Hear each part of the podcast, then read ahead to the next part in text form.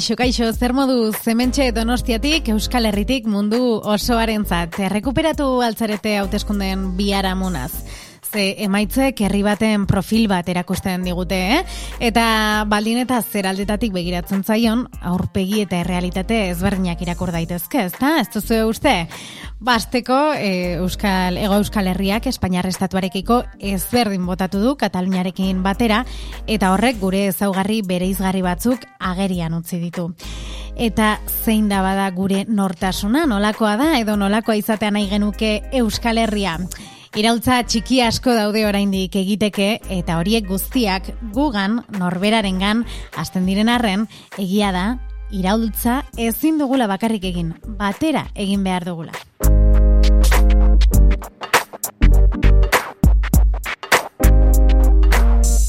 Eta batera diot bazterketarik egin gabe. Esaterako jarrera arrazistekiko tolerantzia zero. Aste honetako gaietako bat izan da, donostian gazte adingabe baten eriotza eragin duen jipoiaren albistea, bere ala zabaldu ziren mezu xenofobo eta razistak eta gaztearen amak imigranteak ez errutun jotzeko eskatu zuen. Halako gaien aurrean, pilota indarrez jo behar denez, guk Gorka Moreno gonbidatu dugu. Bera ikuspegi Euskal Imigrazioaren behatokiko zuzendaria da, eta baita Euskal Herriko Unibertsitateko soziologia eta gizarte langintza saileko irakaslea ere. Iraultza gure ganasi eta gero konpartitza importantea dela esan dugu, baina nola? Ba, batzen gaituen hain dartuz. Gure hizkuntza euskara lehen lerroan jartzen esaterako. Naiz eta ez den lan erraza bizigaren lurralde zatitu honetan, ezta? Baina lasai guk eh, neko bide gain, idazle, irakasle eta kazetaria gomidatu dugu eta berak badu zer esana gai honetan bere esku bigarren pareteko kantoak. Eta zuri entzule zer esan bi pareten artean jarraitzen baduzu, esan nahi duela zure aletxoa jartzeko prest daudela. Ba, argaite zen.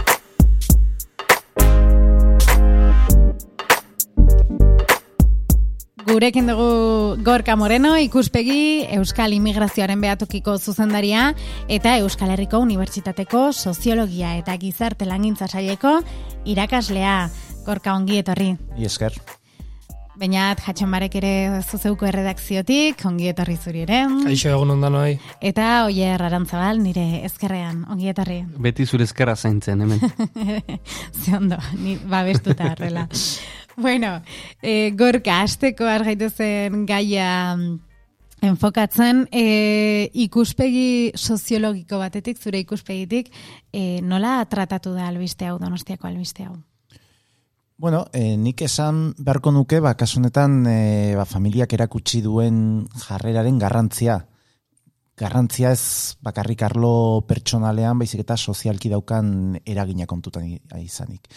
Argi daukagu e, immigrazioaren kontrako iritzietan oso garrantzitsua dela e, liderrek e, azaltzen edo erakusten dituzten iritziak. Ez dut esango e, familia hau edo ama hau lider bezala, baina egia da momentu hauetan manola ba, baitere eragina daukala gizartean. Gehiago, Mezu ofizialaren edo parte dela, esango dugu. Nola baitere eragina daukala iritzi publikoan. Gehien bat gure kasuan arrazakariaren inguruan ba, e, politikariak izaten dira, baina momentu hauetan zenbait momentutan beste pertsona batzuk ere lider bilakatzen dira.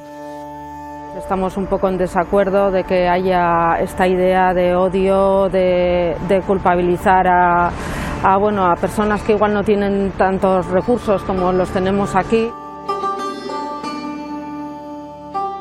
Mi padre es argelino, mi madre es euskalduna y tenemos pues mucha, muchos valores encima de, distintas culturas. Entzuten ari garena Fatima Jasin Baixa da, Donostian hilduten amazazpi urteko santi gaztearen ama. Hauek dira, sare sozialetan zabaldu ziren mezu xenofobo eta razisten oso gainetik geratu diren adierazpenak. Sekulako lezioa ez bairik gabe.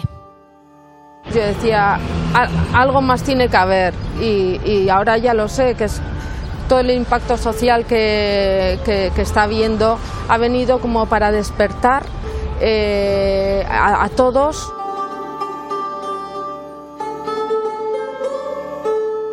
Buscar soluciones, de buscar soluciones desde a nivel político reales, que, que no sean agresores, que entren y salgan y que haya una reinserción social sana. Eta liderrak esaten duena oso garrantzitsua da. Ez da gauza bera, esatea berak esan duena, e, balegia ez nahastea, imigrazioa ba, gertatu dan e, zori gaiztoko gertaera honekin, edo alkontrakoa esatea. Bai? Horrek eragin bat dauka, eta eragin horrek iritzi publikoan badauka. Bai? Eta zein da eragina, ba, eragina da nola baitere impunitat espazioak zabaltzea. E, jendeak azkenian e, gauza bat ez egiteko, gauza bat da pentsatzen deguna, eta beste gauza bat da egiten deguna. Eta muga horretan, eragin asko dauka impunitate e, espazio horiek. Handiagoak edo zabalagoak izatea, edo txikiagoak izatea. Adibide bat jartzarren, Trumpek estatu batuetan e, esaten badu, lasai, mesikar bat pasa behar danean, zuk e, ez diozu lagundu behar, eta gainera nahi badezu bota jozu tiro bat, ez zara gartzelara jungo, eta gainera txalo egiten egingo egu. Horrelako gauza bat esaten denean impunitate espazioak zabaltzen ari dira. Eta kontrakoa, nik esaten badut lagundu bartzaio, e, garri dagoelako, edo dana dalako adalako, ba, horrek eragina dauka. Bai? Eta horregatik dain garrantzitsua, eta berriz bueltatuta ez, jun, ez juteko hain urruti, eta berriz donostira bueltatzeko, basan bezala eragina dauka. Eragina e, iritzi publikoa bestera batera ikusten du. Beste e, lelo batzuk azpimarratu izan balitu emakume honek, ba seguraski iritzi publikoak beste jarrera bat izango luke eta agian ere ekintzarako, ekintzarako esaten dudanean zentzu txarrean ja, e, jarrera prestuagoa. Hori da, ze ari gara e, kolektibo bat epaitzen, ekintza bat epaitu beharrean, ez da? Eta... Ekintza bat edo, edo pertsona batzuk epaitu beharrean, ez? Eta estereotipoek daukaten arazo bat hori da, ez? Taldeak nola baitere pertsonari ezaugarri batzuk ematen dio dizkiola, jakin gabe pertsona horrek zenolako ezaugarriak dituen. Eta gero, kolektiboak ere e, modu e, subjetibo eta modu e, e, bueno, nahierako modu baten eraikitzen ditugula, ze kolektiboak inditizken mila modutara. Bai, e, hor aurre iritziek ba, eragin izugarria daukate, ez? Eta estereotipoak, eta badakigu, zentzu txarrean zein, zein honean izan daitezkela, ez? Aurre iritziak eta estereotipoak denetarako daude egia esateko e, etorkinen aurrean gehien bat e, aurre iritzi negatiboak batu egiten dira, ez? Baina adibide bat jartzarren, ba, askotan esan da, ez? Ba, ba, Euskaldunak e, hitza, bere hitza bete egiten dutela, ez da? Esaten dana, bai, palabra de basko esaten dana, hor dago, baina gero ere Euskal Herriko jendeari buruz bestain bat gauza esan dira negatibo direnak, ez da? Hor estereotipoak, e, ba, bueno, nahaztu egiten dira, baina e, e, egia zuk esan dezun bezala, gehienetan e, errealitatea gauza bat da eta gero estereotipoa eta aurreritzia beste bide batetik doa. Beste batzutan izan beste, beste izan daiteke ba, zati bat, baina bueno, hor benetari dauko. Eta hor sartzen da, lehen kolektiboa, behintzat e, orain azteko, e, imigrantena, etorkinena, e, zer da ulertzen duguna eta zer da benetan errealitatea. Bueno, ba, ba hor e, gauza asko dago, Le, lehenengo datu bat, e, niretzat oso sanguratsua da, naguk adibidez urtero inkesta bat egiten dugu, barometroa izenekoa, ba, iritzi buruzkoa, bertako populazioak etorkinin aurrean duten iritziari buruzkoa, eta galdera bat da, e, ea Euskal Autonomia Erkidegoan zenbat etorkin dauden alegia, mm eun pertsonetatik eunekoa zenbatekoa diren. Bueno, ba, bataz bestekoa, aurten, euneko amazortzikoa izan da. Errealitatea zein da? Errealitatea da euneko bederatzia direla. Bikoiztu egiten dute zifra. Mm Baina, 2000 ere galdera hau egiten genuenean, pertsepzioa zan euneko emesortziare. Eta erdia zeuden pentsa genezake, bueno, agian urtero jendeak pentsatzen du gehiago daudela, eta hori e, gehiago egonala, ba, zifra ere onditu egiten da, baina ez da horrela, pertsepzioa mantendu egiten da, eta realitatea aldatu egiten da. Datuak, e, e, bueno, ulertzeko, e, ari gara hitz egiten Euskal Autonomia Erkidegoaz, eta ari gara hitz egiten e, Espainiako imigrazio ere kontutan eukitzen da, ala ez? Ez, bakarrikan atzerrietar jatorria daukaten e, guk e, ikuspegi zentratu egiten da atzerritar mm. jatorria daukaten etorkinen inguruan. Eta pentsatzen dut e, pertsona hoien jatorria zere galdetuko dela? Bai, eta horre ere argita garbe e, badaude mm, gauza esanguratsuak. E, etorkin guztiak e, ez zaizkigu atsegin edo desatsegin era berdinean. Jatorriaren arabera, jatorriak eragina handia dauka. Zintzuk dira oroar nola baitere gehien gustatzen zaizkigun etorkinak? Ba, gugandik gertuen daudenak. Eta gugandik gertuen daudenak esaten dudanean da, izan daiteke kultura, izan daiteke fenotipia, baina izan daiteke ere klase sozioekonomikoa. Alegia, Europar mendebaldetik datozenak, edo Latinoamerikako kono, ego konotik datozenak, Uruguai, Chile, Argentinak dira, gehien edo nolabait ere iritzi baikorrena azaltzen deguna etorkina hauen aurrean. Eta zentzuk dira aldiz nolabait ere jarrera eskorrena azaltzen dutena, ba, magreptarrak alde era oso era nabarmenean, Eta gero, eta hau ere interesgarria da, errumaniarrak. Itze egiten genuen taldeak nola ematen dion e, izaera pertsonei, hemen ikusten deguna da oso e, egoera bitxia. E, Zer gertatzen da errumaniarrekin? Jendeak, e, galdetu egiten diozunean, e, errumaniarrak burura etortzen zaiona da errumaniar hijituak. Errumaniar hijituak gurean errumaniar guztien euneko lau bos suposatu dezakete. Mm. Baina aldiz nola baitere e, kal, e, orokortu egiten da eta talde guztiari ezaugarria. Eta horregatik ere ba, jarrera e, ezkorrena daukatenen taldeetan sartzen. Et hor, mm, iritzi horiek gorpuzten, eh, ezote daude, batetik aurreritzi arrazistak, ez? Ba, fenotipoari eh, esan dezun eh, zentzu hortan. Eta, eta bezaletik klasistak, ez? Ze, ze azken batean, eh, eh, pobrea, eh, bueno, gutxiago gustatzen zaigu dirua daukana baino, eh? Bai, hor, eta ustete oso e, gogo eta interesgarria egiten duz- egin duzula, ez? E, nola ere elkar gurutzatu egiten dira. Zor badago eztabaida bat askotan, ez ez arazoa bakarrik da pobreak direla. Bai, eta askotan entzuten da, ez? Ba, begira, getxora llegatzen diren patera erraldoi txuri hoiek e, ez ditugu gaizki ikusten. Edo futbolari beltz bat ez dugu gaizki ikusten. Hori hor dago, egia da aporofobiak edo nolabait ere pobrein aurkako mm, jarrera hori eragina daukala. Baina egia da ere arrazakeria gurutzatu egiten zaigula. Ez askotan nolabait ematen du arrazakeria ez dela existitzen eta bakarrik kontu sozioekonomikoa dela eta ez hori. Obamak behin baino gehiagotan esan zuen hainbat esparruetan bera izanik estatu batuetako lendakaria edo presidentea jarrera arrazista jaso egin zituela eta futbolean ere ikusten dugu nola e, e, hainbat zale Bai. bai, e, ba, ba, jarrera eta e, oiu arrazistak e, bota egite dituzten futbol zelaietan orduan, zuk esan dezun bezala gurutzatu egiten dira, argita garbi ez dugu berdin ikusten aberatsadan jeke bat eta e, Marokotik etorri dan ba, eta egoera ezain honean dagoen pertsona bat. Baina arrazakeria ere tartean dago. Bai, hor, e, nik uste e, esaten danen e, fasismoa dala e, kapitalismon eiza txakurre da, fasismok beti daukelako e, habilidade oso zorrotza e, etxai aurkitzeko kolektibo aulenen, ez? Eta ordun badirudi hemen eragin e, sozioekonomiko edo bestea ba, e, langilengan langilek pairatzen duena fokalizatzea zeinengan eta etorkinengan justo ba inundik inoa e, fokoa ez dagonen hor eta eta etorkinek aldin behar izan duenen haien herrialdetik e, ondo bizializateko justo hemengo langile klasei eragiten dien e, faktore sozioekonomikoiengatik. Eta tendentzia dago baita ere, e, etorkinak arazo guztien iturrian e, kokatzeko, ez? En, zer kelikatzen ditu e, aurre iritzi horiek? Zer kelikatzen du etorkinaren irudi hori? Bueno, argi dago eta zuek nik uste ari zari zinetela aipatzen, ez da? Txibo espiatorioaren eh, figura hori oso nabarmena dala, ez? Gauza gaizki daudenean, edo talde bat gaizki dagoenean, bilatu behar duela, ba nolabait ere, maltzurraren taldea. Eta bilatzekotan ze bilatuko duzu, ba, haulena dan taldea, argita garbi, ez? Baina bitxia da ere, eta hori e, gustatuko litzaidak azpimarratzea, e, ez da bakarrikan, etorkinen artean, arrazakeria asko dago ere. Mm. Bai? Eta oso interesgarria da, beti nola ere zu baino gaiztoago dagoen norbait dagola, ez? Oso, oso nabarmena da, eta hor e, ikusten dugu, ez? Nola baiteko gesten dan eskailera hori, eta beti badago talde bat zu baino txarrago dana. Ba, lehen, beti diru laguntzen e, aurre iritzia hor, eta, e, eta estereotipoa hor daukagu. Lehen etorkinak, atzerritar jatorriko etorkinak ez genituenean, nortzuk ziren diru laguntzekin gelditu egiten zirenak? Ijituak ijituek badakizue zer esaten duten diru laguntzen inguruan, etorkinei bakarrik ematen zaiela eta ijituak bertakoak izanik diru laguntzari gelditzen ari direla.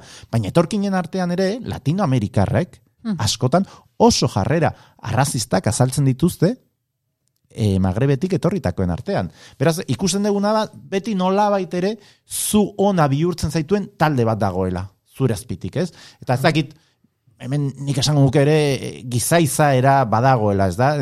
Norbaiti e, errua bota behar badiozu, ba, ba, ba errazago da e, aulari botatzea, ez? Aularen kontra e, egitea, ez? Hor badago txiste bat e, esaten duen, ez da? Bat, atera nintzen zinetik, eta ikusi nituen lau haundi, lau tipo haundi jotzen txikitxo bati, galdetu nion lagunari, sartu esartu, jo, bazkenian bosten artean iaia hile egin genuen ba, ba, horrelako gauza bat, ez? Norbaiten alde jarri behar bazera, jarriko zera ah, beti fuertearen alde eta ez haulenaren alde, ez da? Ba, bueno, horre, hori, ba, gure gizartean ere islatu egiten da edo agertu egiten zaigu.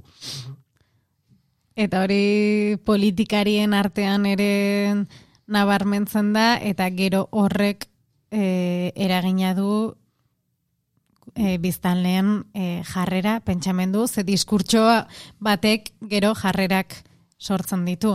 Eta oier, nahi, zenuen nahi patu... Bai, marotoren, bai. adibidea. Bai, marotok apustu eh, egin zuen eh, ba, auleraren aurkako diskursor hori bere egiten, ez? Eta uste zuen horrek etekin emango ziola, etekin erresa, ez? Baina ikusi dugu eh, bigarren ez galdu duela, ez? Bataia hori, eta, eta ikusi dugu e, zorionez, zorionez, diskurso horrek ez duela uste, marotok uste zuen e, indarra, ez? Marotu eta Ruiz de Pinedoren arteko eztabaida izan da hauteskunde honetako momentu deigarrienetariko bat. Eta gero EH Bilduko hautagaiak PPkoari eserlekua nola kendu dion. Hablar de fraude de la RGI, ¿de qué número estamos hablando? Un 0,7% con respecto a las cantidades y, y luego podemos... Eh... Laureun bat botoko aldea egon zen bi alderdien artean, eta Euskal Autonomia Erkidegoan alderdi popularrak ez du ordezkaritzarik lortu. En el fondo, porque odiáis al pobre. Queréis la pobreza y luego lo, lo odiáis. Por eso me indigna este tema. Tengas la indecencia de volver a opinar sobre la validez moral o ética de los planteamientos de mi partido. No lo hagas tú. Depende de los no lo hagas tú y escucha de una vez lo que te voy a decir.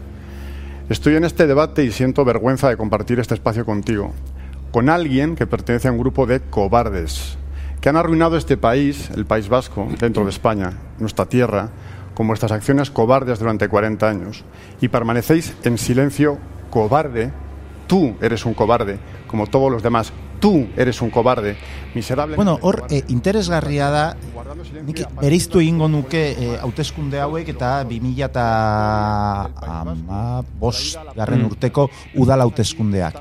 Zer argita garbi, ez? Izan genuen, eh, nik uste oso eredu argia, ez? Eh, politikari batek immigrazioaren gaia jartzen du lehenengo gai bezala, estena toki edo eztabaida politikoaren ardatz, eta zer gertatzen dan, e, ondo gaizki atera, e, botuak irabazi zituen. E, ikusten badegu, pepek gainontzeko herrietan, euskal herrietan, e, eta hiriburuetan botuak galdu zituen, eta aldiz gazteizen irabazi egin zituen. Mm. Beraz, me, mezua zan, diskurts, horrelako diskurso populistak erabilita, botuak irabazi ditzazkezu.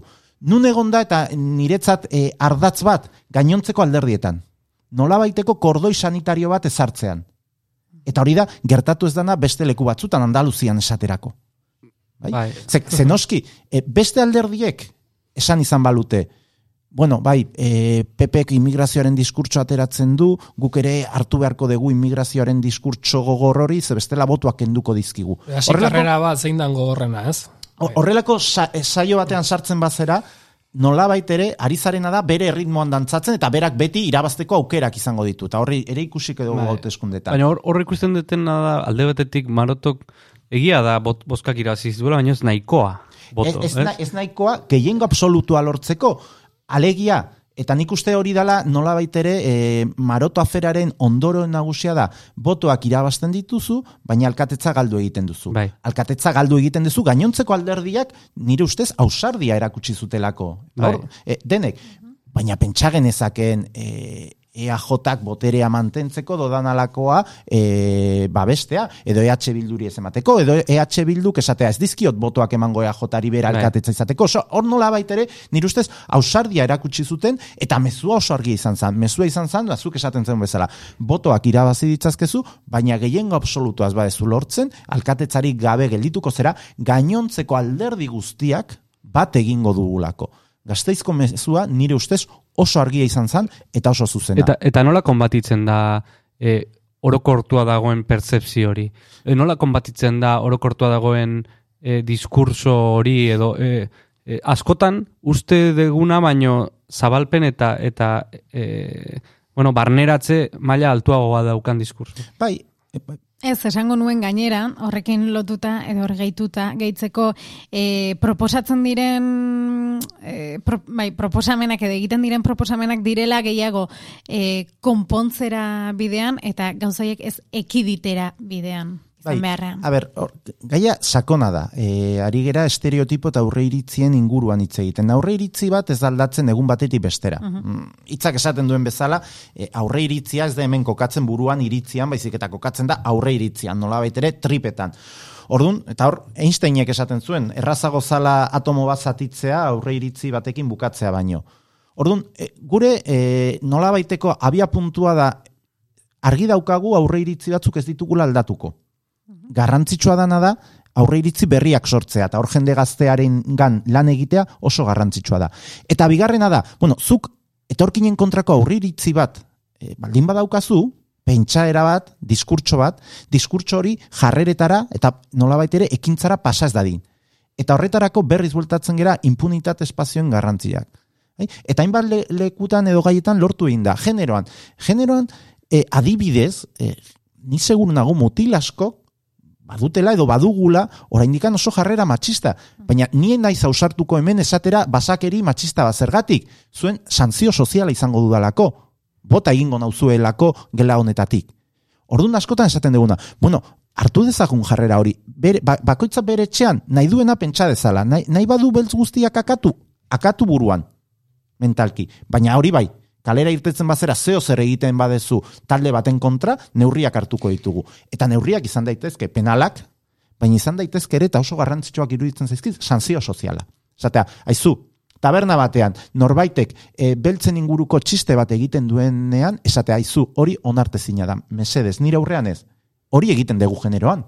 Mhm. Eta nahiko arrakasta lortu dazkeneko ari. hogei hogeita mar urtetan. Ba, hor- horrelako bide bat jarraitzea immigrazioaren inguruan eta anistasunaren inguruan, nire ustez oso garrantzitsua da. Eta baita ere, albokoa ezagutzea, ez? E, e, bueno, baita Espainiar eta Euskaldunen arteko harremana e, hobetuko dela pentsatu izan dugu horrekin, ez? E, elkar ezagutze hutzarekin, eta berdina gertatu daiteke, ba, beste e, kanpoko komunitate batzukin, ez? E, e, integrazioa benetakoa lortzen malin bada, alegia lortzen malin bada, nire e, seme alabaek jolastea parkean e, e, beste seme alabekin, beste jatorri bateko seme alabekin lagunak egitea, ezagutzea elkar, ezagutzea elkarren kultura, gero erresagoa da, lehengo aurre iritzi batzuk haustea, ez? Argita garbi, e, euskaraz dakit erderaz esaten da, el roce hace el cariño. Ba, hemen, roce hori behar da. Baina kontutan hartu behar dugu ere, roze hori lortzeko denborea behar dala. Zaskotan ere, nahi deguna da, e, egun batetik bestera gizarte aldatzea. Nik mm, gauza hauetan eta elkar bizitza eta harremanetan e, nahiko pragmatikoa, ez dakite realista, baina pragmatikoa naiz. Denbora behar da.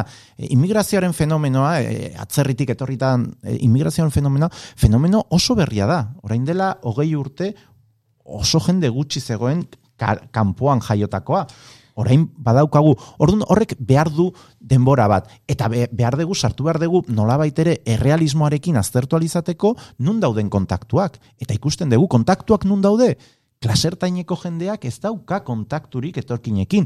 Edo baldin badauka, dauka superioritate maila batean, alegia etortzen dan Latinoamerikarra nire etxea garbitzera. Orduan, gauza guzti horiek kontutan hartu behar digu, ditugu. Baina argi dago, eta argi dago, hartu eman hori, kontaktu hori eragina daukalanik, anekdota bat kontatuko dizuet. E, itzaldi bat bukatuta eta gero, etorri zitzaidan gazteizen, e, emakume nahiko zar bat, eta esan zian, aizu, gorka, begira, gauza interesgarriak esan dituzu. Nik kontatuko dizut, niri gertatu egin zitzaidana. Gu, ni bizi naiz alde zaharrean, etxe zahar batean, eta e, etorri zan bizitzera, beko pisura, familia marokoar bat.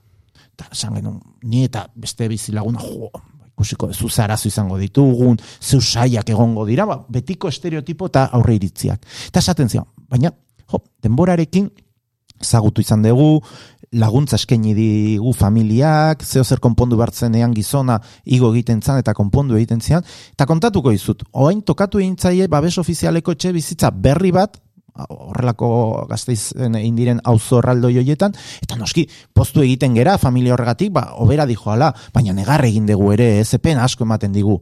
Hor argi ikusten da, baz, pixkatzuk esaten zuna, ez? Kontaktuak zenolako eragine izan dezaken eta argi dago. Eta hori guk ere e, nola baitere landu egiten dugu gure inkestan eta ikusten dugu. Etorkinekin harreman gehiago daukaten pertsone jarrera baikorrago azaltzen dutela eta alderantziz. Beraz, kontaktua noski eta hartu emana eta elkar bizitzak eragina dauka ere aurre iritzi hauetan. Clint Eastwoodei Gran Torinoen pasazitzaion bezala. Bezala, nik klase ematen dut migrazio, migrazioen soziologia irakasgaia ematen dut eta Gran Torino ikusten dugu, zezuk esatu, zuk esan duzu. Gran Torino pelikula ikaragarria da horretarako. Eta ere esango nuke, ez? I- ikusteko eta nik ere hor uste jolastu behar degula askotan pentsatzen dugu, oh, eske danak arrazistak dira. Clint Eastwood arrazista zan? Hasieran, ba nik ez daukata ingarbi. E, dagoena da, berak mundu bat dauka, mundu bat eraikita, auzo bat, auzo horretan pertsona batzuk bizi ziren, eta bera, zaharkitzen den einean, auzori aldatu egiten da, egitura aldatu egiten da, eta horregatik esate dizuet, ez dakit noraino, arrazagakeria dan, edo da, nola baitere, fenomeno beti, ba- berri baten aurrean, azaltzen dezun, oztopoa e- edo beldurrak, baina batzutan, eta horregatik nik ere gustatzen zait kontuz, e, gehiengoa ez da rasista. E, boxi bozkatzen dioten gehiengoa ez da rasista, ez da fascista, kontu nire ustez, hau nire iritzia eta sartu naiteke nahi bazute lokatzetan. Baina e, kontuz esaten degunarekin, ze, Ez, aipatu dezu, eh, ez da bakarrik arrazismoa, da klasismoa, da xenofobia, ez dala gauza bera, ez? xenofobia kanpoti datorrenarekiko eh, erra, ez? Eh, dira hainbat eta hainbat eh, fenomeno gertatzen direnak, eta gainera nahiko universalak, ze mm, bere garaian eh, geuk imigratu genuenean ere, segurazki geuri, geure komunitaterik gertatu zitzaion antzeko zerbait, ez? E, beraz, e, kom, oso komplejua da. bai, oso komplejua da. be- berdin berdina, e, ikusi adibidez, ba hori, Ekuador izan da herri emigratzaile bat, eta orain Bene, Venezuelako jendea be, Ekuadorrera juten ari da, eta Ekuadorreko populazioak erakusten ditu guk euren aurrean izan ditzazkegun aurre iritzi berdin-berdinak, lapurtzera datoz, diru laguntzetaz bizitzera, eta esatezu, bueno, a ber, no, noiz zara ona? Emigratzen dezunean e, ona zara edo txarra, ba, ba hori hor dago. Eta zuk aipatzen zenun fenomeno, ba, adibidez, klase sozialaren oso nabarmena da. Nortzu daukate jarrera baikorragoa etorkinen aurrean? Diru sarrera handien, handiagoak dituztenak. Baina normala da. Normala da, zergatik? Baikorragoa. Bai, argita garbi, nortzu dira jarrera eskorrago daukatenek? Diru sarrera txikiago daukatenak. Bai Euskadin, bai Estatu mailan eta bai Europa mailan inkesta guzti gauza bera esate gute. Zergatik, oso erraza da. De, de, demagun. Eta esaten denean diru sarrera, ba, klase sozialari lotuta. Ni unibertsitateko irakaslea. Ez daukat, eh, ez naiz mil eurista, ez da soldata txarra, eta ni gainera ikasketa altuak ditut. Niretzat, etorkinak ez dira kompetentzialan merkatuan. Beraz, nik zer esango dut? Etorri daitezela nahi duten guztiek. Ez hori bakarrik. Gainera, kontratatu dezakete emakume latinoamerikar bat, eta ni beti nire maztarekin aserre ginen aber nor jartzen zuen garbigailua, eta orain emakume latinoamerikarra jartzen du, eta gutxakoliak edatera juten gera. Eta ordaintzen diogu bi euro orduko, eta konponduta dana. Ez da, kasu, ez da egia, baina izan zitekeen, berdin ber, izan zitekeen. Bai. Orduan, nik zer dauzkat etorkinekin bakarrik abantaiak, eta ez ditut disabantaiak. Zer esango dut? Ongi etorri, guazenateak irekitzera, baina jarri zaitezte kontrako kasuan. Imaginatu ezazue gorka moreno dala, ba, lan prekarioa daukan pertsona bat, batzutan diru laguntza bermatzeko errenta edo RGI eskatu behar duena, zer esango du? Ez du ezer aprobetsaten da gaina ikusten du hainbat sektorentan kompetentzia dala. Eta diru sarrera bajuak, ba, zer esango du? Ba, hobez etortzea. Baina hau da, ipu, nik batzutan esate de brometan, ipurdiaren printzipio noxeologikoa. Ipurdiaren printzipio noxeologikoa zer da? Oso erraza da. Eta soziologiarako ezinbesteko tresna. Pentsatzen dugu esertzen garen lekutik. Mhm. Eta hor oso nabarmena. Eta horregatik esaten Orain dut. finago esaten da kasu betaurrekoena, ez? horrelako zeo zer, bai? E, oso fina naiz izate, ikusten zuten bezala. Baina, e, esan nahi dudana, kontuz, zaskotan nik e, oso urduri jartzen naiz, klasertaineko jendea eta oso ondo kokatuta dagoena, juten denean, eta esaten, eske, arrazista bazarazu. ba, ba ni izango banintz hori izango nioke, ez lasai, aldatu ditzagun soldatak, eta nik esango dut, izango dut nahi duzun so, e, diskurtsoa, baina aldatu ditzagun soldatak. Eta zer daukagu hemen? Ba, lehen aipatzen genuena, daukagu jende bat, nola baitere globalizazioaren ondorioz, eta globalizazioaren emaitzen ondorioz, galtzaile dana, eta ezker tradizionalak ez dio erantzun egokirik ematen ari. Behar du esperantza. Eta nork ematen dio esperantza?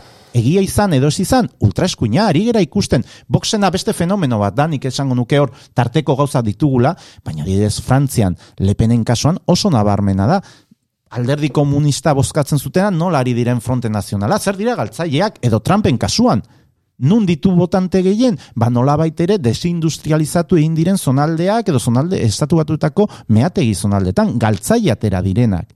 Eta nun bilatzen da txibo espiatorioa? Ba bilatzen da etorkinekin edo etorkinen gan. Hori da, hor nik esat, hori hor jarri nahi nun diana, ez? Azkenen leno aipatu eguna, etxaie beti bilatzen dela, edo mezu asko bialtzen, bialtzen diela etxaie aulenen, aulenen aurkitzeko. Eta hor, la, e, langile klasei dagokionak antiz, nik usteet, enpresario handik azkenen e, aprobetsatu diela e, etorkin, etor, azken urtetako etorkin uoldetaz ere, e, lan, lan, indarra e, merkeago e, erosial izateko, eta hori gaur egun Euskal Herrin adibidez ikusi ezakegu e, momentu honetan e, adibide bat jartzeagatik, e, zainzuri garaie da, e, Nafarroan momentu honetan e, daude Andaluziar asko e, zainzuriak biltzen, ba, horrek esan nahi du aldi berean Andaluzian e, momentu honetan biltzen ari diren gehienak direla e, beltzak edo arabiarrak, ez? Eta orduan e, zergatik ba, bertakoak igo dira ona, hor badago e, lan esparrun la, e, baita mugimendu bat, ba, diozuna, ez? Azkenen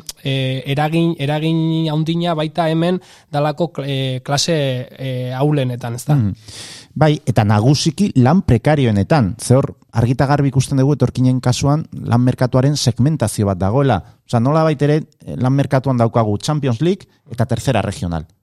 Mm. Tercera regionalen dira etor, nagusiki etorkinen lanpostuak. Azuka aipatzen zendu bezala. Mm. Nekazaritza, e, eraikuntza, hosteleritza, eta bar, eta bar. Dena den, e, orain ari gara etorkinez eta migrantez, e, badago beste perfil bat etorkina dena eta orain ere hemen aipatzen ari ezkarena, ez da?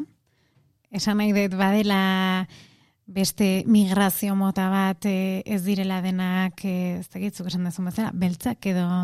Bai, e, zesar, ez nola baitere... Denak, denek ez dute denak e, e, ez, e, lehen sektorean lan egiten, eta... E, ez, baina, baina egia da, gurean, gutxienez, e, gurean esaten dudanean, nik gehien ezagutzen dudan realitatea Euskal Autonomia erkidegoa da, eta Nafarroa ere ezagutu dezaket, egia da, gehienak, bai, kokatu egiten direla horrelako sektoretan. Argi dago, beltzak ez direla, e, subsahariarrak adibidez gutxiengoa dira, gurean nagusina argita garbi latinoamerikarrak. Uh -huh. e, eaen dauden bi etorkinetatik bat, iaia latinoamerikarra da. Iaia honeko berroita marra suposatzen dute.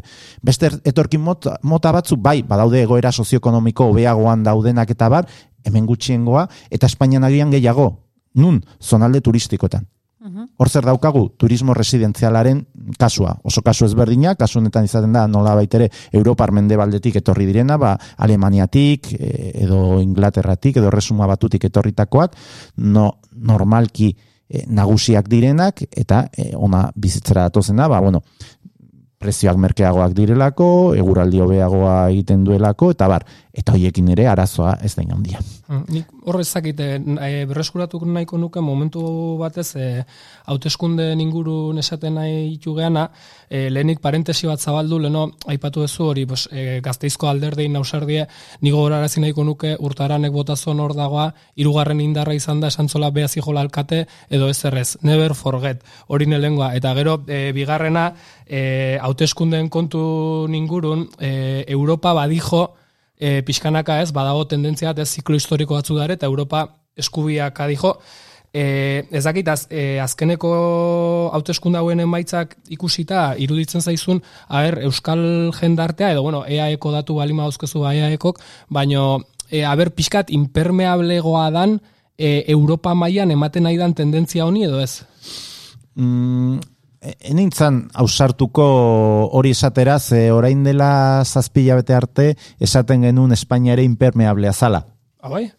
Bai, ez, ez geneukan ultraeskuineko alderdirik. Ja, bai, bai, beti ondo, bai, bai. bai, e, momentu honetan bakarrik Portugal eta Irlanda mantendu egiten dira. Bai, eta niri ez zait, e, gu, nire ustez gutxienez, ez zait gerturapen e, egokia iruditzen esatea PP za, e, zala ultraeskuinekoa, ze e, egindako gobernuan egon denean e, e, torkinen aurrean izan duen jarrera ez dut esango irekia, baina etzan e, ultraeskuinekoa. E, eta esaten genuen, zergatik ez da Espainian ez dago ultraeskuinarik? Ba, esaten genuen, ba, bueno, frankismaren eragina, bueno, horra, saiatu egiten ginen faktoreak aztertzen, eta agertu, egite, e, agertu egin da. E, esan dezakegu e, Euskadi Euskal Herria impermeableagoa dala? Enintzateke ausartuko. Mm, Datuak baditugu eta badakigu e, hainbat jarrera oso errotuta daudela gure gizartean. Agian ez dena egon da piromano bat. Horregatik berriz eh, errepikatzen ez ze garrantzitsua dan politikariena eta berriz bueltatzen gera hasierako galderara. E, gertaera hauetan donostian gertatu dana ama hori izan ziteken edo suiltzailea edo piromanoa. Eta hor, ikusi dugu ze jarrera erakutsi duen, ezta? Politikariek ere piromanoak edo suiltzaileak izan daitezke. Hemen ez dugu, baina marotor zegoen, marotok lortu zezakeen. Aut, e, e, lortu izan balu alkatetza, mesua oso argia zen. Gainontzeko, et- gainontzeko entzat. Erabili hau, eta gian beste goera batean e, e, egongo ginateke. Orain dela, sortzea maria bete danok boksi buruz, barrea baino ez genitun egiten, ja, ja, ja, ja, eta begira, ze gertatu zen Andaluzian, eta ze gertatu dan Espainian. Baina ezta? harrigarri izan da baita ere hauteskundeak amaitu eta batean PPko gu- eh, persona guztiak moderatuak eh, bihurtu dira, ez? Ja, alako batean. Bai, bai. Diskurso aldatu dute modu komiko batean, iaia bi egunetan, ez? Bai, hor, hor estrategia politikoa daude, ezaztu bauteskunde hauek bi itzuli zituztela, eta orduan, bueno, ba, lehenengo partidu hau Champions League, lehenengo partidua gaizki doanean, ba, moldatu behar dezu ekipoa, ez, hemen antzeko gauza bat, orain irabazteko gutxienez bigarren partiduan, ba, baina bai, zuk esaten zu bezala oso txi- bitxia da, bai, ia ziren ordu bete pasa, ia, ia sondeoarekin lehen sor- sortzitan hasi ziren ja esaten beraiek zentrokoak zirela, ez da? Bueno, ba, utziko dugu iruditzen bat zaizu esaten hau, gustatu zaidana, lider suhiltzaile gehiago behar ditugula. Lider suhiltzaile gehiago behar ditugu. Ze luz eta zabal jarri genezake ontaz hitz egiten. Eta usartuko naiz esaten beste baterako erronka edo izketa gaia badela, e, sareko beste inframundu hori, ze nahiko arriskutsua da, eta hori ere ezi egin behar da. Beraz, Gorka Moreno, Euskal Immigrazioaren behatokiko zuzendaria eta EHUko soziologoa, mila mila esker, bi paretara etortzeagatik. Ni esker zuei eta nahi duzuten arte.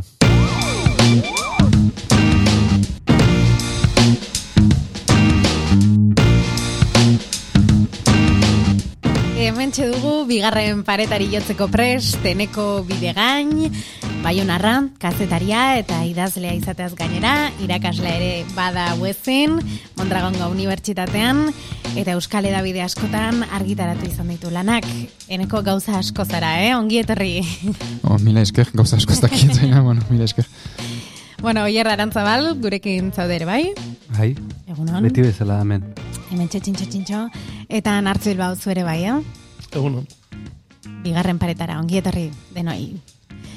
Bueno, aipatu dugu e, ez guk bakarrik, azken hauteskundetan Ego Euskal Herriaren erantzunak ezaugarri bere izgarra batzuk e, ikusarazi dituela, eta aipatu dugu ere lehen paretan e, migrazioaren gaia. Baina galdera bat daukat asteko, eta bi gaiak eneko zukitzen duzun gaia, eta aurretik itzen dugun alotzeko, e, atzerritik datorren jendea, nora etortzen da? Esaterako Murtziatik, Tulusetik, Argeliatik edo Errumaniatik datorren pertsona bat, e, Euskal Herrira dator? Eneko zuk, zer uste duzu? Bueno, nire ustez, nire ikuspegitik bai Euskal Herriera dator, baina saiatu naiz pixkat jartzen haien lekuan, edo nik behiratzen dudanean munduko mapa, ez? Egin dezagun bakoitzak gure ariketa munduko mapa hori begiratu eta zer da e, zein dira gure referentziak. Eta gure referentziak dira e, estatuak, ez? Banoa Txinara, edo banoa Pakistanera, edo Japoniara, edo Perura, edo...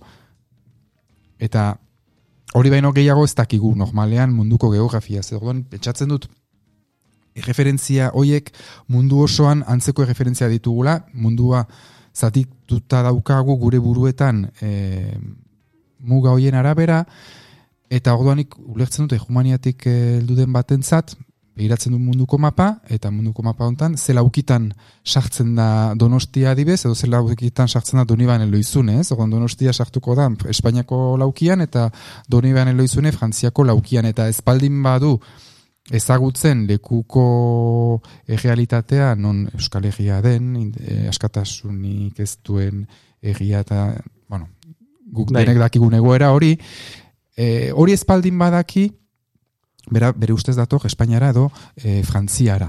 Are gehiago, e, norbait, Frantziakoa baldin bada edo Espainiakoa baldin bada, bere ustez dator bere e, bere egian litzen da, ez? Ni joango banitz, e, mauleko bat joango banitz Bilbora bezala edo ez.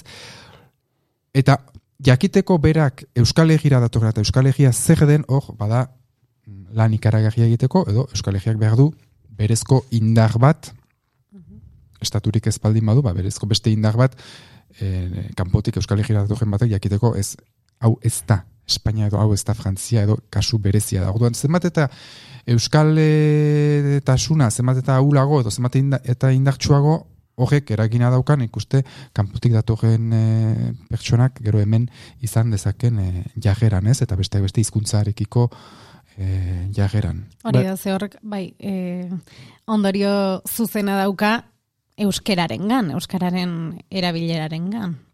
Ez da, zertan. E, e, bueno, e, Euskaraz e, hitz egiten, diren, hitz egiten duen jende asko dago, e, kanpotik etorri dena eta ikasi duena, edo kanpotik etorretako familiak gero integratu direnak, eta gero aldiz, e, badago komunitate bat bertakoa dena hemen hogeita mar urte dara matzana, eta ez duena ikasi, eta ez duena interesik ere era- erakutsi, ezagutzen duen arren zein den errealitatea. Ez Esan, nik ez dut horrekin lotzen zuzenki, baina iruditzen zait, enekok zionaren arira, e, bueno, e, Euskal Herri hori e, ikustarazteko modurik et, eta onena dela bertako sareetan, e, bertako sareak sortzea, ez? Edo bertako e, Euskal gintzak ja lehendik bazituen sare horiek indartzea, edo baita ere hezkuntza, ez? E, e, bueno, ez, ba- badirudi e, gaur egun eskoletan e, izen ematen duen e, jende gehienak ego Euskal Herrian mintzat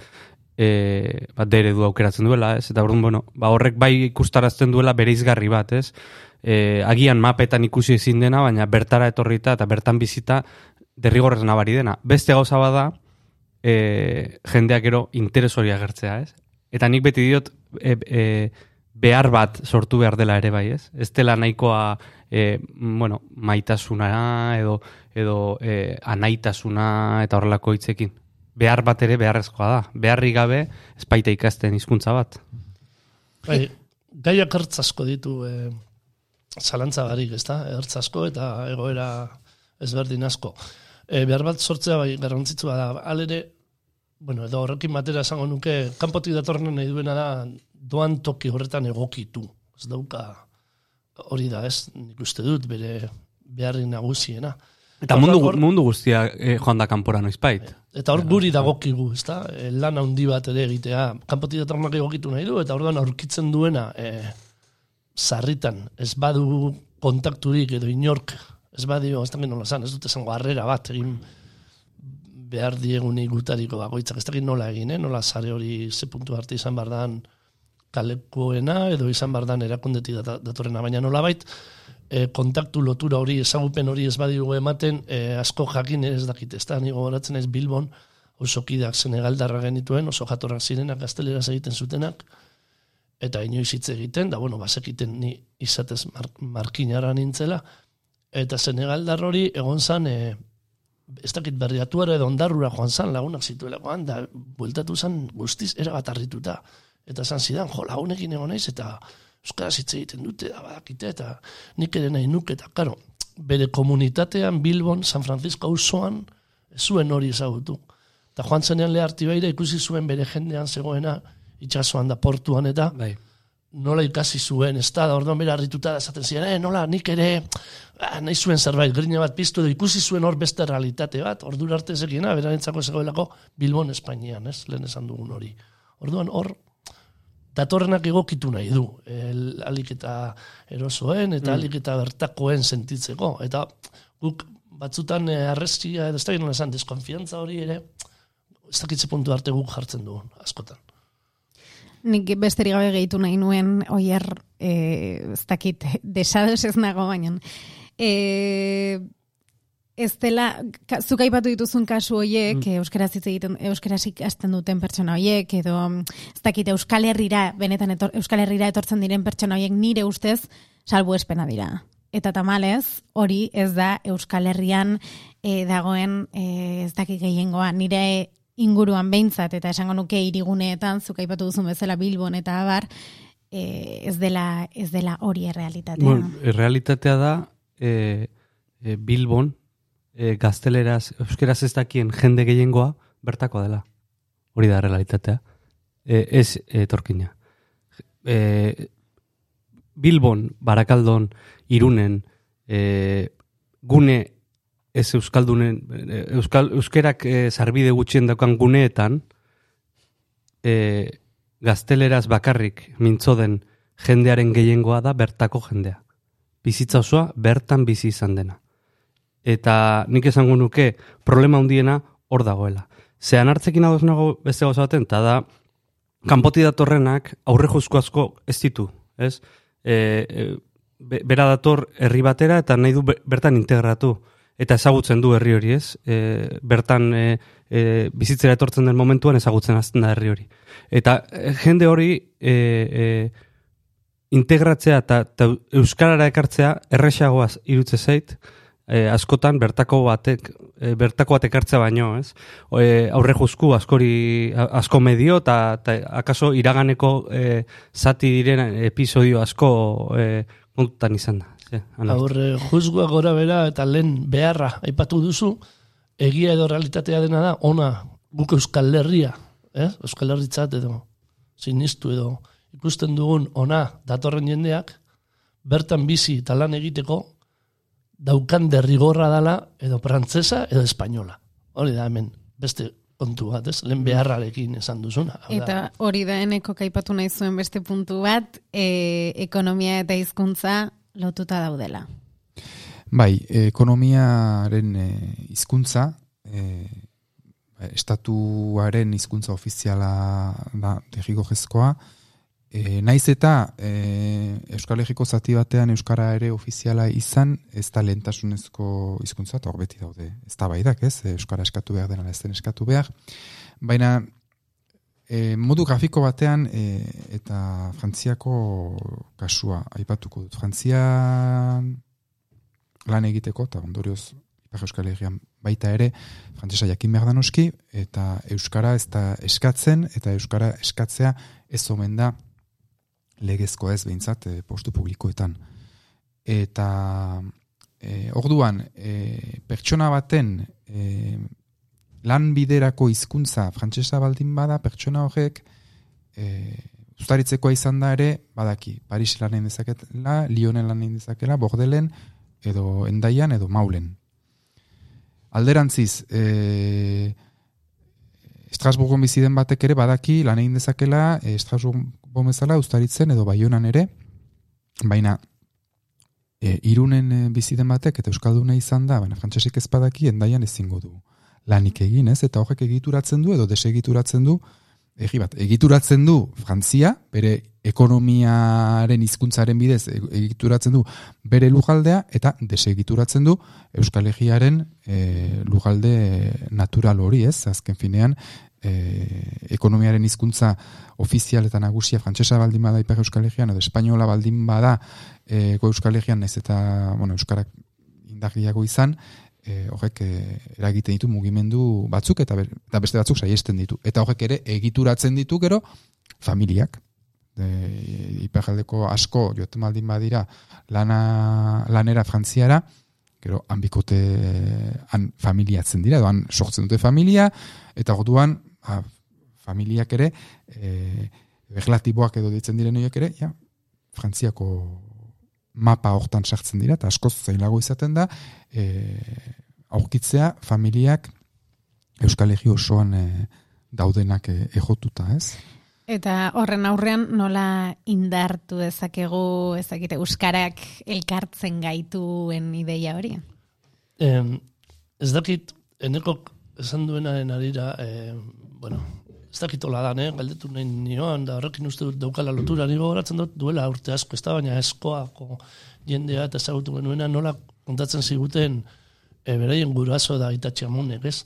E, garazirako joera handia eta zeukatela, oza, iruña baino asko ez gehiago, ez horbilago, naturalagoa zitzaien geografikoki, eta hori antzaren ez uste dut gaur egun gogaztentzako ere erabate deusestu den kontu bat dala, ez da. Bai, hori e, garralda eta auritz inguruko jendek ere kontatu izan didate, lehen ba, naturala garaziko jendearekin zela, eta bera, hola jaten zuten, e, Euskara jakin behar da, frantsekin, frantsesekin, mintzatzeko frantsesak adintzatzen garaztajak eta hola, e, Euskara jakin behar zela. E, azken urtetan hori, e, hageman hori hautsi da, hageman hori hautsi da, besteak beste kontrabandoa deitzen zena, gelditu zen e, Espainia, Europan sartu zen e, zenean, eta Schengen eta abajeta, beraz, ezago gehiago hageman komertzial hori, azpiegitura, garraio azpiegiturak ere erabat eraldatu dira, garraio publikoa. Lehen bazegoen autobusa eta hola eta gero garazitik iruñera eko linea bat eh, bazegoen e, geldi aldiekin edo, bueno, bazen sare bat, orain hori ez dago, garraio publikoa ez dago, baina egepideak ere ez dira, egepideak luzaidetik iruñera joatea orain oso egesa, oso egesa da, lehen baino egesagoa da, Eta aldiz, e, luzaidetik garazira, donimane garazira joatea, lehen bezala da, lehen, lehen bezain zaila ez. Eta orduan lehen luzaidetik naturalki donimane garazira joaten ziren, hain zuzen luzaide berez geografiko ere garaziko eskualdean baita, baina orain luzaidetik iruñara. Eta orduan, e, azken e, hogei ogoita majurtetan, e, lugalde antolaketak eragindu e, aheman horiek mugiztea. Eta beste kasu bat aipatzeko, bastango Bastango euskalkiak edo bastango gazteria ere, bazkan, baz, ez dut, zehazki aztertu, baina, bueno, nabaritzen da, bastango gaztek, orain, baigogiko gaztekin lehen baino aheman gutxiago, lehengo gaztek baino aheman gutxiago daukatela, eta entzuten baldin badira bastango zahak edo baigogi gure pelinguruko zahak edo gazteak, ikusten da ere euskal, euskaran aldaketa bat, jana dut, eh, bastango eh, euskalkian espainolaren eragina, eta baita gipuzkeraren eragina ere handitu dela, eta beraz euskalkiak ere pixkat urguntzen hasi direla pixkanaka, ez? Eta hagemanak ere orain gutxiago direla eta hor, e, bai, azken urtetako politikek, e, lugalde antolaketak, gajaioak, e, mila gauzek, e, orain urgundu dituzte e, leku horiek. Bere alagatoz. Zuzeu podcasten astero-astero hiru programa argitaratzen ditugu. Astelenetan barruan gaude elkarrezketa saioa. Asteazkenetan, amar minututan teknologia eta hezkuntza uztartzen dituen maite gonjiren saioa. Eta ostiraletan, Arrate Hernandezek aurkezten duen saio hau, bipareta. Zuzeu podcast, zure hizkuntzan mintzo diren istorioak.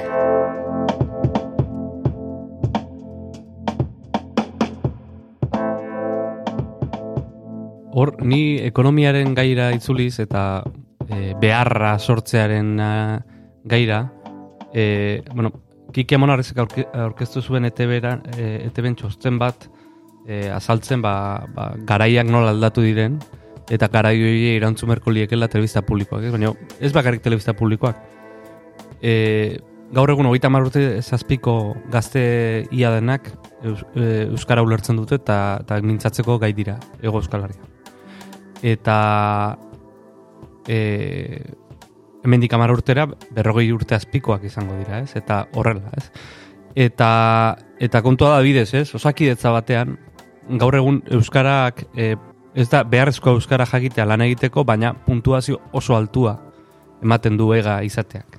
E, hain da altua puntuazioa, ezen hainbat eta hainbat mediku ezagutzen baititut nik, e, e, ega atera dutenak, kanpokoak izan da, edo ega ateratzeko saiakera egin dutenak, e, ba, postua lortzeko, ez?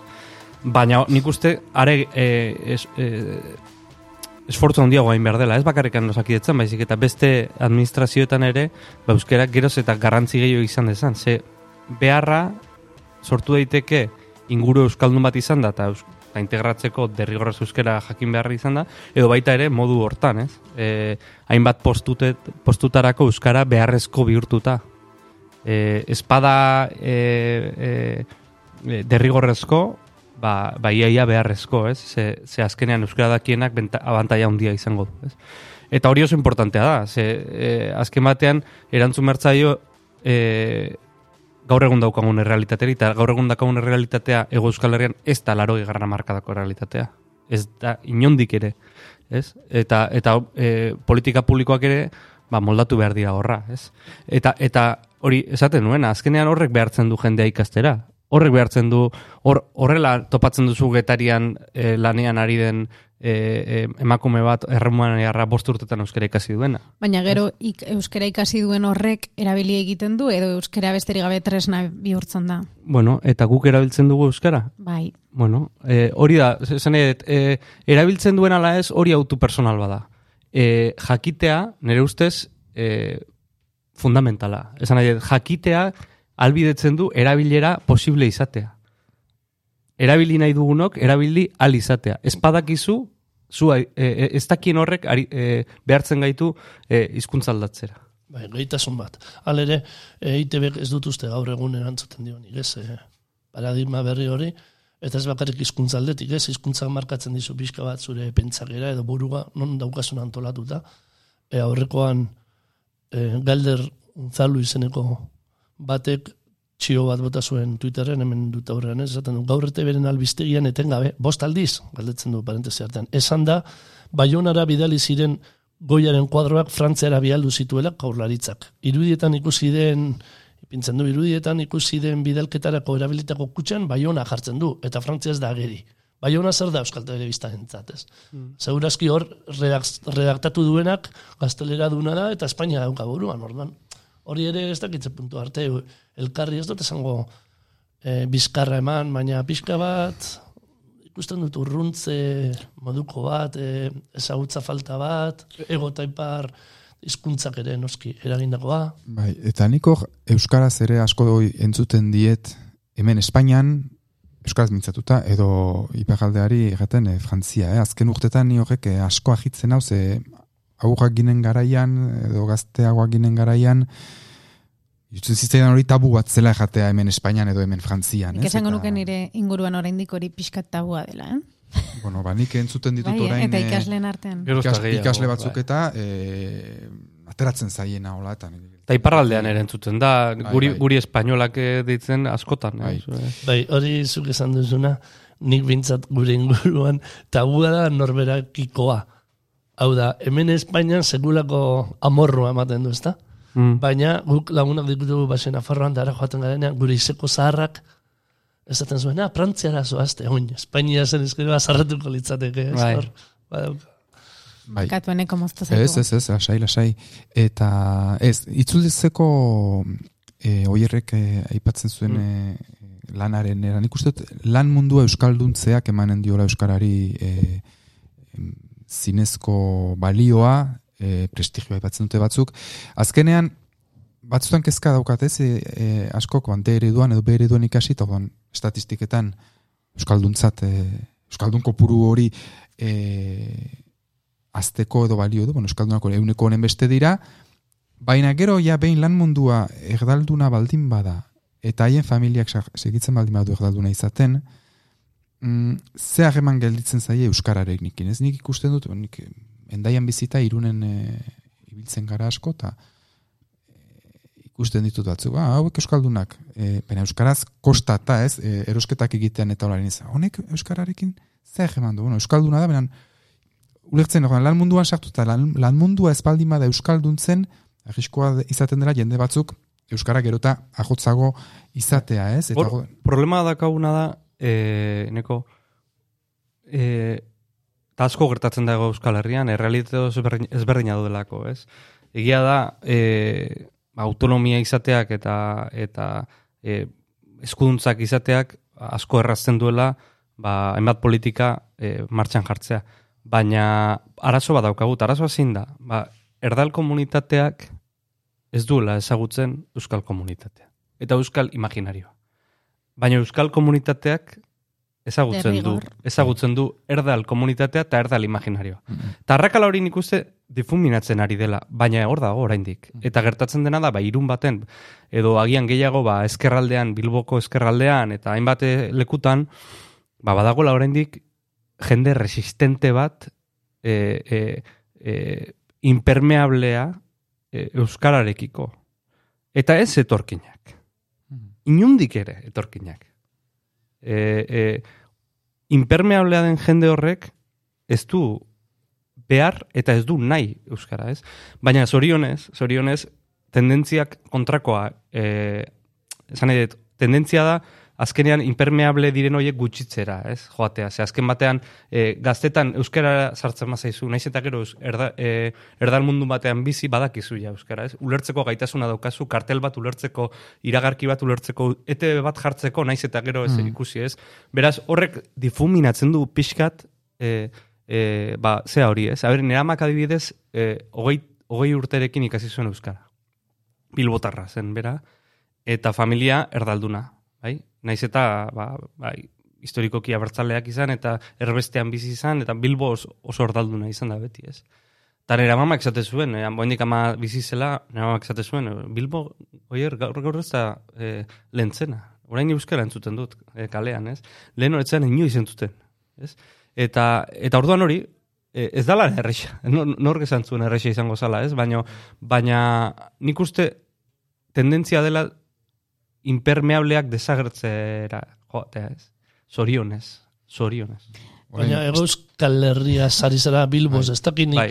ez, Nik aipatu nahi nuen justu Nafarroa bereko edo zuberoko kasua, Lapurdikoa Lapurdin Euskarak behera intzuen aspal, aspaldi du, lagoita mar beho gehi urte, tran, transmisioaren etenean, eta nire agidurarako, 2008an gaudela, e, bueno, goita bat mendean ongi sartuta, e, pentsatzen nuen ja, e, kontzientzia hartua zela, etxeko transmisioari eutxi behar zitzaiola, etxean Euskaraz den tokietan. Eta ikusten dut, e, azken hogei urtetan, transmisio gen etenak segitu duela Nafarroa bereko etxe askotan. Eta duela beho gehi urte, pentsatzen genuenean, bueno, Lapurdin transmisioa eten da eta Lapurdin galdu da, baina Nafarroa berean eusten zaio. Eusten zitzaio duela beho gehi urte. Eta orain etxe askotan eusten zaio, baina e, duela berrogei urte zegoen kontzientzia edo ematen zuen, bon, ja, orain badakigu zer ezten egin behar, ez ez, e, berrogei urte hauetan segitu da etxe askotan transmisioa eteten. Eta nire agidura beste bat, e, asteuntan irakurri dut artikulu bat, e, epatzen zuen, e, elkarrezketa batzen e, emasei urteko e, gazte batena, e, lapurtaja, eta Euskara ikasi zuen etxean gurasoekin, ikastolan ama urteak arte, eta gero e, frantses ikastetxe batera eraman zuten, eta orduan hasi zela, etxean hasi zirela frantsesez hitz egiten haien artean. Eta nintzen, 2000 eta emeretzian, eta orduan hori ez, e, Bai. joera batzuk badirela, e, toki batzutan baiko jera doatzenak, eta besteko toki batzutan, e, Nire, nire galdera da, e, adibidez, hauteskundei begira, ez? Iparra Euskal Herrian egontzen abertzalen loraldi bat modu ber, e, politikan diote, e, bi, bi alderdi edo bi, bi mugimendu aurkezten dira, PNV alde batetik, eta e, EH, nola? EH bai. EH bai, hori da. E, eta ikusi zen, e, bueno, emaitza e, oso onak lortu zituztela hainbat esparrutan. E, nola, nola dago egoera hori orain? Badago mugimendurik, e, ze, ze aurre ikusten dezute urrengo hauteskundei begira? Egongo da berriz olako, olako emaitzarik? Bueno, ikuste dut, e, abertzalen emaitzak, e, e, pixkanaka, pixkanaka beti gorantz doa zela, bena oso astiro, ez? Orduan, euneko bostean ziren larogoiko amarkadan, eta orain, euneko amasei, amazazpi ingurura e, eldu da, ez? Eta nik uste dut hori eutxiko zaiola. Orain, Horrek badu ere bere ingentzua, egan nahi dute abertzaleek ere beren diskurtsoa egokitu dute baita ere beste gora batzutera, orduan euskararen gaiari eta be- beti ematen zaio pixkat leku gutxiago eta azken urtetan batzutan nabil edo nago ea ikusten ditugunean hauteskundetako programak zertan desberdintzen diren e, alderdi ekologista baten edo ezker augerakoi baten programa eta e, abertzalen programa, ze Euskarari buruz orain ne horrek ez du jango Euskararen kontra deus, ne, ba, Euskarari egin behar zaio toki bat, hori gelditzen da xoko batean, eta gero gainerakoan programa sozialetan izan da talde abertzalen e, indar gunea. E, bizitzaren gaian, edo ingurumenaren gaian, eta, eta gai sozialetan.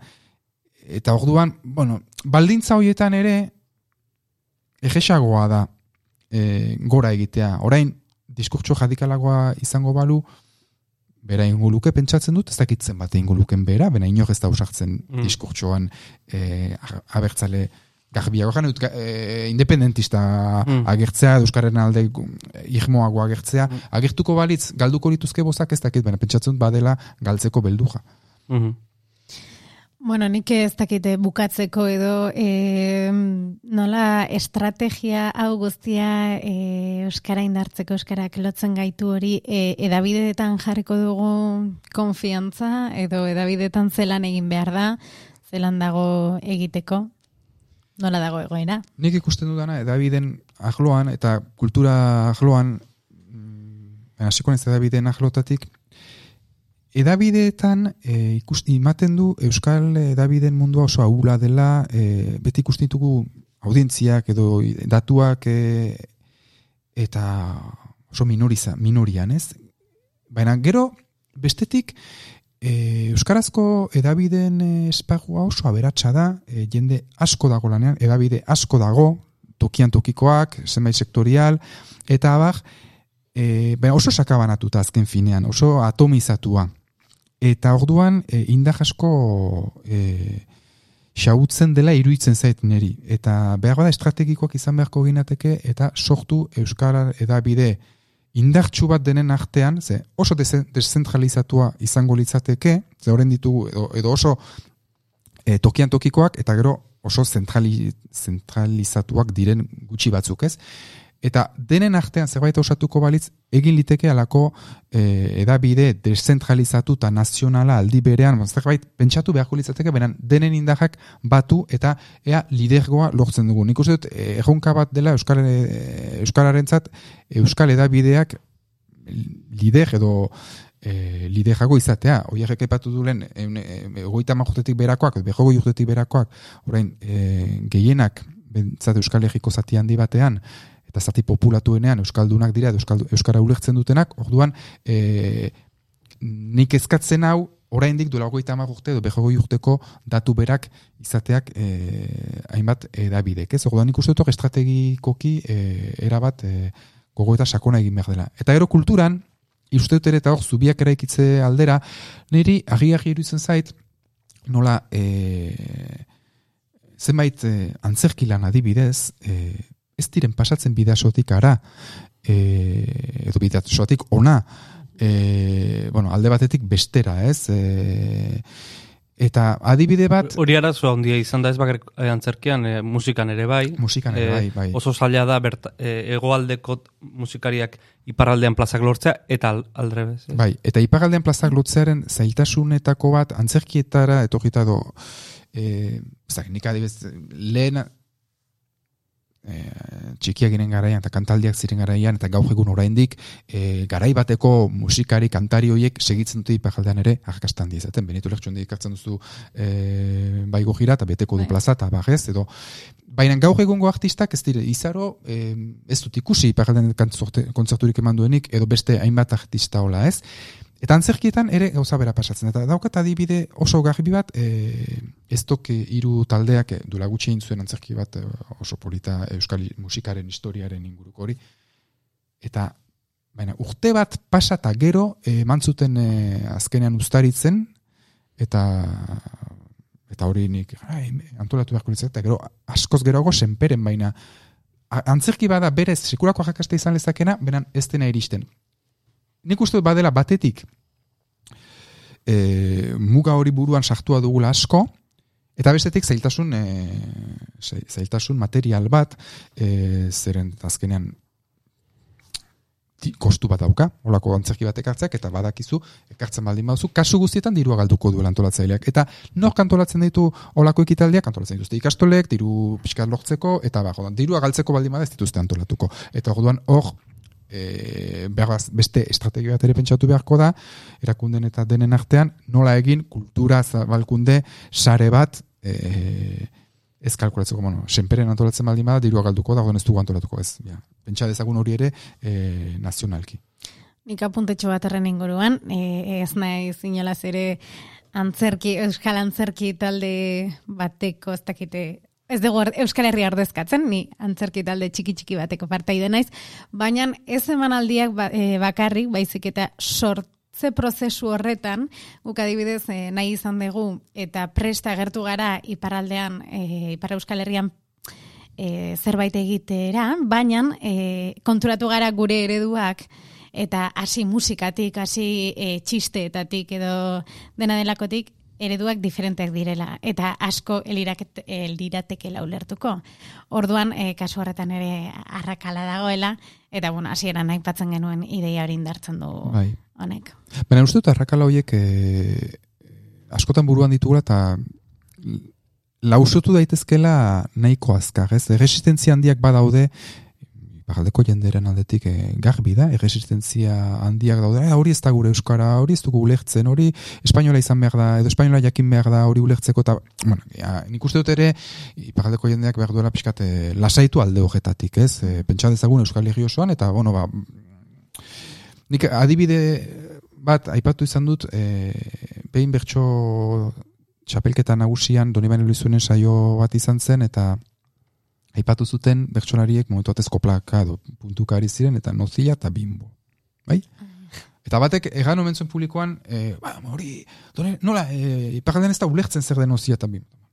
E, hori ahatsalde batez ikasten duzu. E, ahemanak egongo balira naturalki ego eta iparraldeko e, familien artean, lagunen artean, atxalde batez ikasten duzu. Nik uste batzutan ere e, histeria puntu bat ere edo erresistentzia gehiegizko erresistentzia bat badela erreferentzia hori begira. Nik uste elkar gehiago elkarrekin gehiago gurutzatuko bagina alakoak laizter desagertuko liratekela, ez? Beste kontu bada, baita ere, kontu zibili behar garela, gure referentzietan, ba, Espainiako referentziak edo Frantziako referentziak gutxiago erabiltzeko, ez bakarrik elkar ulertze falta horregatik, baizik eta baita ere gure referentzia propioak izateko, benan, arrakala horiek ezabatu behar ditugu eta binora bidetatik, ez? Eta beste behin ere, mugak gugan, gugan daudela, eta eraitsi egin behar ditugula gugandik hasita.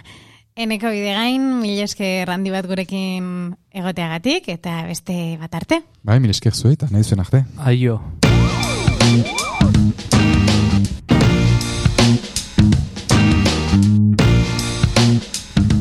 Tanto luze eta zabala gaurko partidakoak, eh? Gaiek ere, ala eskatzen zuten. Espero dugu hori bai, gustora entzungo zenituztela. Gogoratu edo zein proposamen kexa edo iritzi eman nahi badiguzue, bipareta abildua zuzeu.eu zerbidera idatzi besterik ez duzuela, bipareta abildua zuzeu.eus sare sozialetan ere topatuko gaituzue. Besterik ez hause izan da guztia, besarkada estu-estu bat eta datorren astera arte.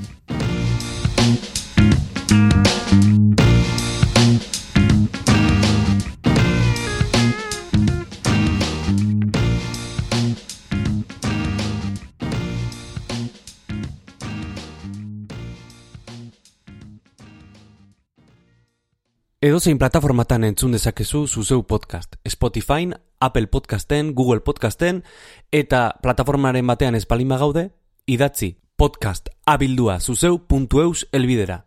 Hori da podcast abildua zuzeu.eus. Eta segidan igoko dugu plataforma horretara ere gure edukia. Eskerrik asko eta hurrengora arte.